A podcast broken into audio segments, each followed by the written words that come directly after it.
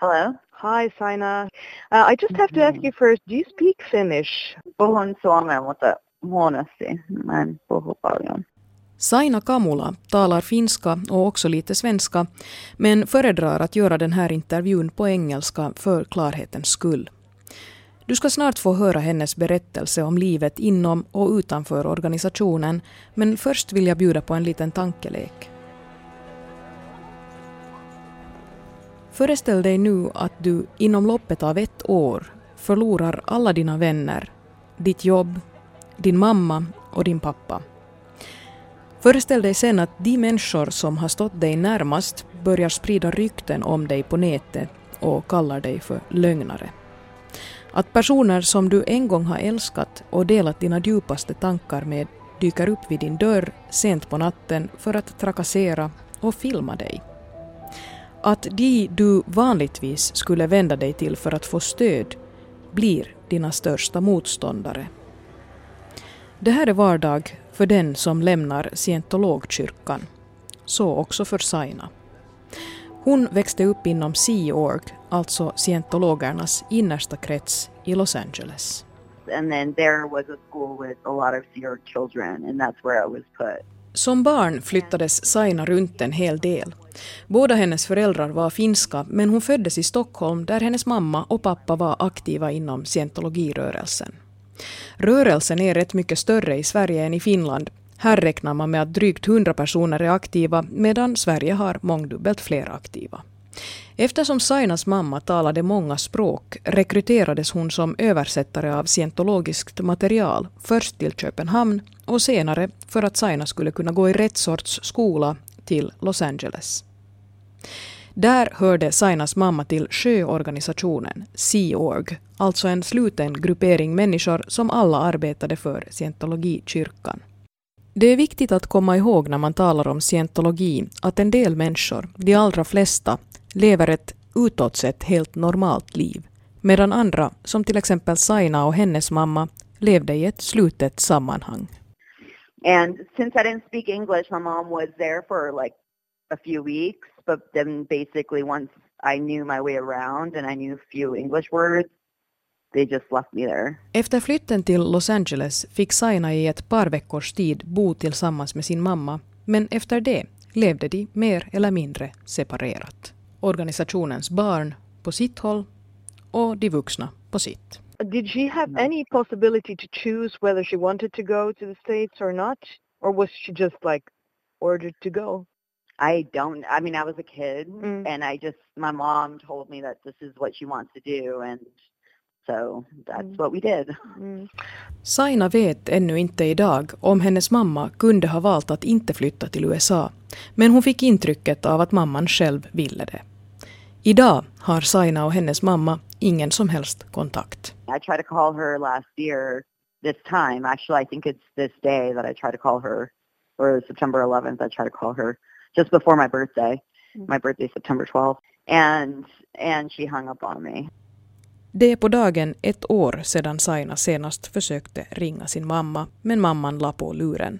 Mer om varför får du veta snart, men först ska vi försöka skapa en bild av hur livet inom sjöorganisationen såg ut för en 12 till 18-årig flicka under slutet av 90-talet och början av 2000-talet.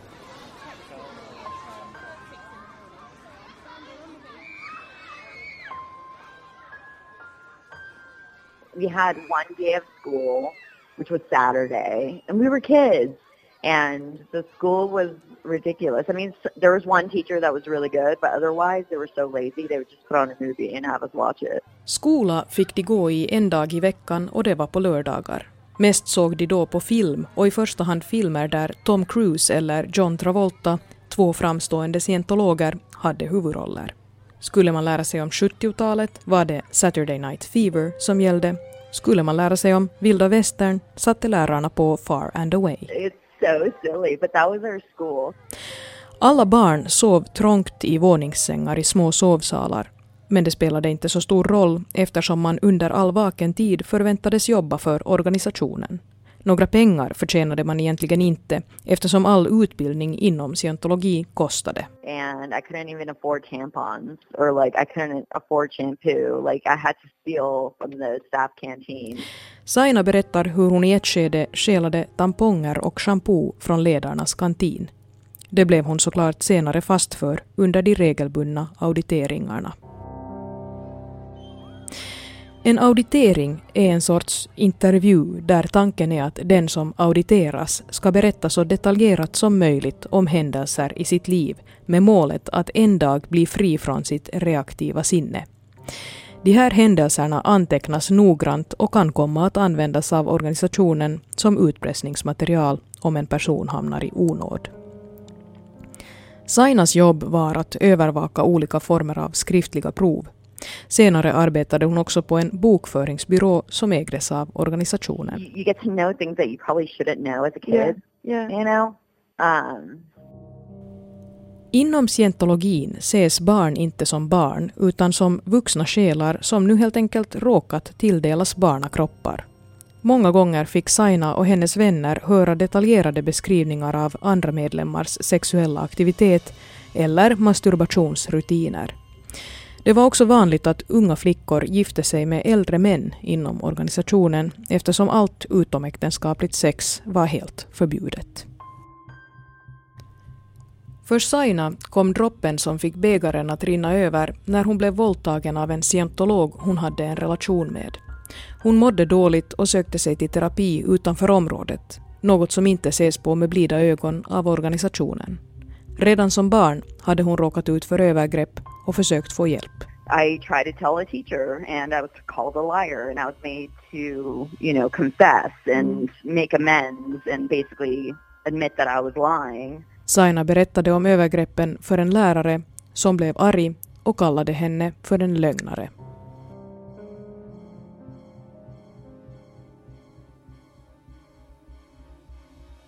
Tillbaka till Sainas mamma nu Well, she can't talk to me. I tried to call her last year. She's not allowed to talk to me because I was on the Leah Ramini show. Uppbrottet kom då Saina blev kontaktad av och medverkade i ex-scientologen Leah Raminis dokumentärserie Scientology and the Aftermath. So therefore I'm basically shunned. You know, I'm an enemy of the church. Efter det ses hon av scientologkyrkan som en fiende, en så kallad suppressiv person. Själva menar rörelsen att det är ovanligt att titeln delas ut, men ett flertal personer, också sådana som innehaft prominenta poster inom organisationen och sedan lämnat den, har blivit kallade suppressiva.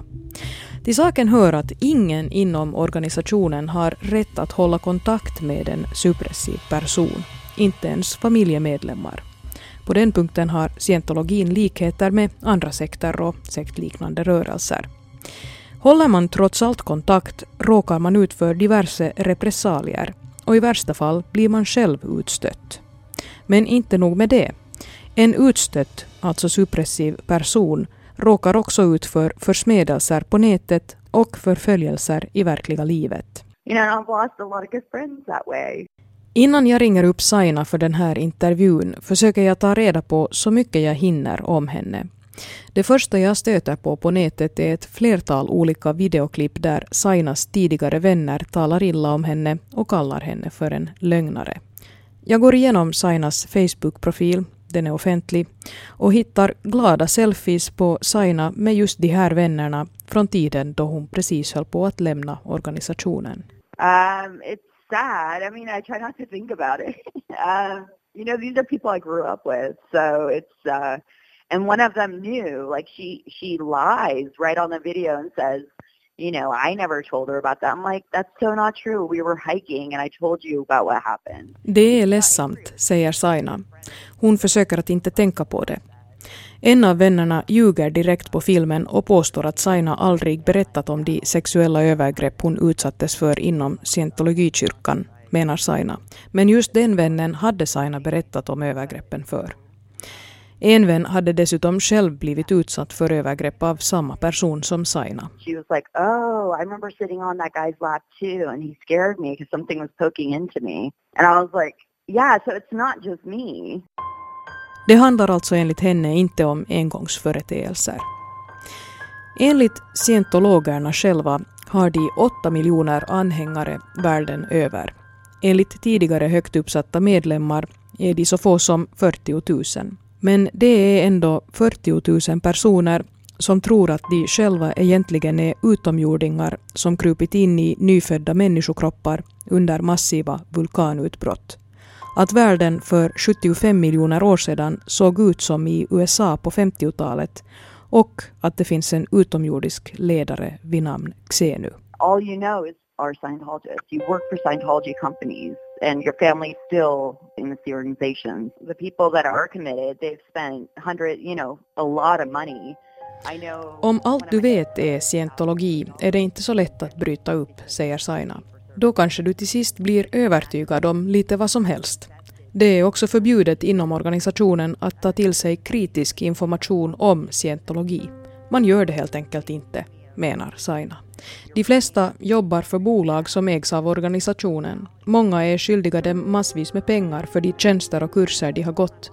Många har familj och vänner där. Och väldigt många, inklusive Saina, har helt enkelt levt ett helt liv inom organisationen. Också här i Finland har vi ett exempel på ett rättsfall i slutet av 80-talet där en person hade skulder på 650 000 mark till scientologerna. I really wanted to go back to Finland. I remember going back to Finland once when I was in the organization. But that you have to go through a confessional before you take a vacation mm -hmm. to make sure that you're not planning on running away, basically. And then when you come back, you have another confessional you have to do, basically like admitting anything that you did while you were on vacation. En gång under tiden hon levde inom sjöorganisationen fick Saina åka till Finland och hälsa på släkten. Då var hon tvungen att bikta sig ordentligt både före och efteråt. Innan hon åkte fick hon dessutom handledning av sin mamma. Hon fick veta att hon inte behövde berätta några detaljer om sitt liv och om någon ställde frågor skulle hon bara vara vänlig och hålla det hela trevligt. I know you were brought up within the organization, so it wasn't a choice for you. But do you understand? No. Do you understand the charm, uh, or is there any charm, the attraction? There's so much. I mean, again, it's different factors. But if you've ever, I don't know if you've ever watched any of the events that they have. Enligt Saina finns det absolut saker som är tilldragande också med scientologin. Det är en religion som vill hjälpa har du problem med spelande, med relationer eller med beroenden erbjuds du konkret hjälp och kurser mot betalning såklart. They're really convincing that they can help you. Du lär dig leva efter gyllene regeln, du lär dig ta hand om dig själv och du får tala ut under auditeringen. Utöver det ordnas storslagna galor och jippon där medlemmarna får se statistik på hur många som ansluter sig och hur mycket gott de gör för världen. Scientologerna själva tror att de är med och gör någonting stort, menar Saina. Idag lever Saina mest på resande fot. They can't find me. I just, if I'm in one place, it'd be easy to find me. Dels är det för att hon inte vill ha en postadress. På så sätt slipper hon bli trakasserad av organisationen. It's just, it's been rough. Like I hate sounding weak. I hate crying about it, but it's just it's been a rough time so I think like traveling for me is kind of therapy. Men dels handlar resandet om att återta friheten, att uppleva sådant som hon annars inte hade upplevt. You feel the freedom, like it hits you, like oh my god, I'm actually not, like I'm not controlled by anybody, I'm my own person.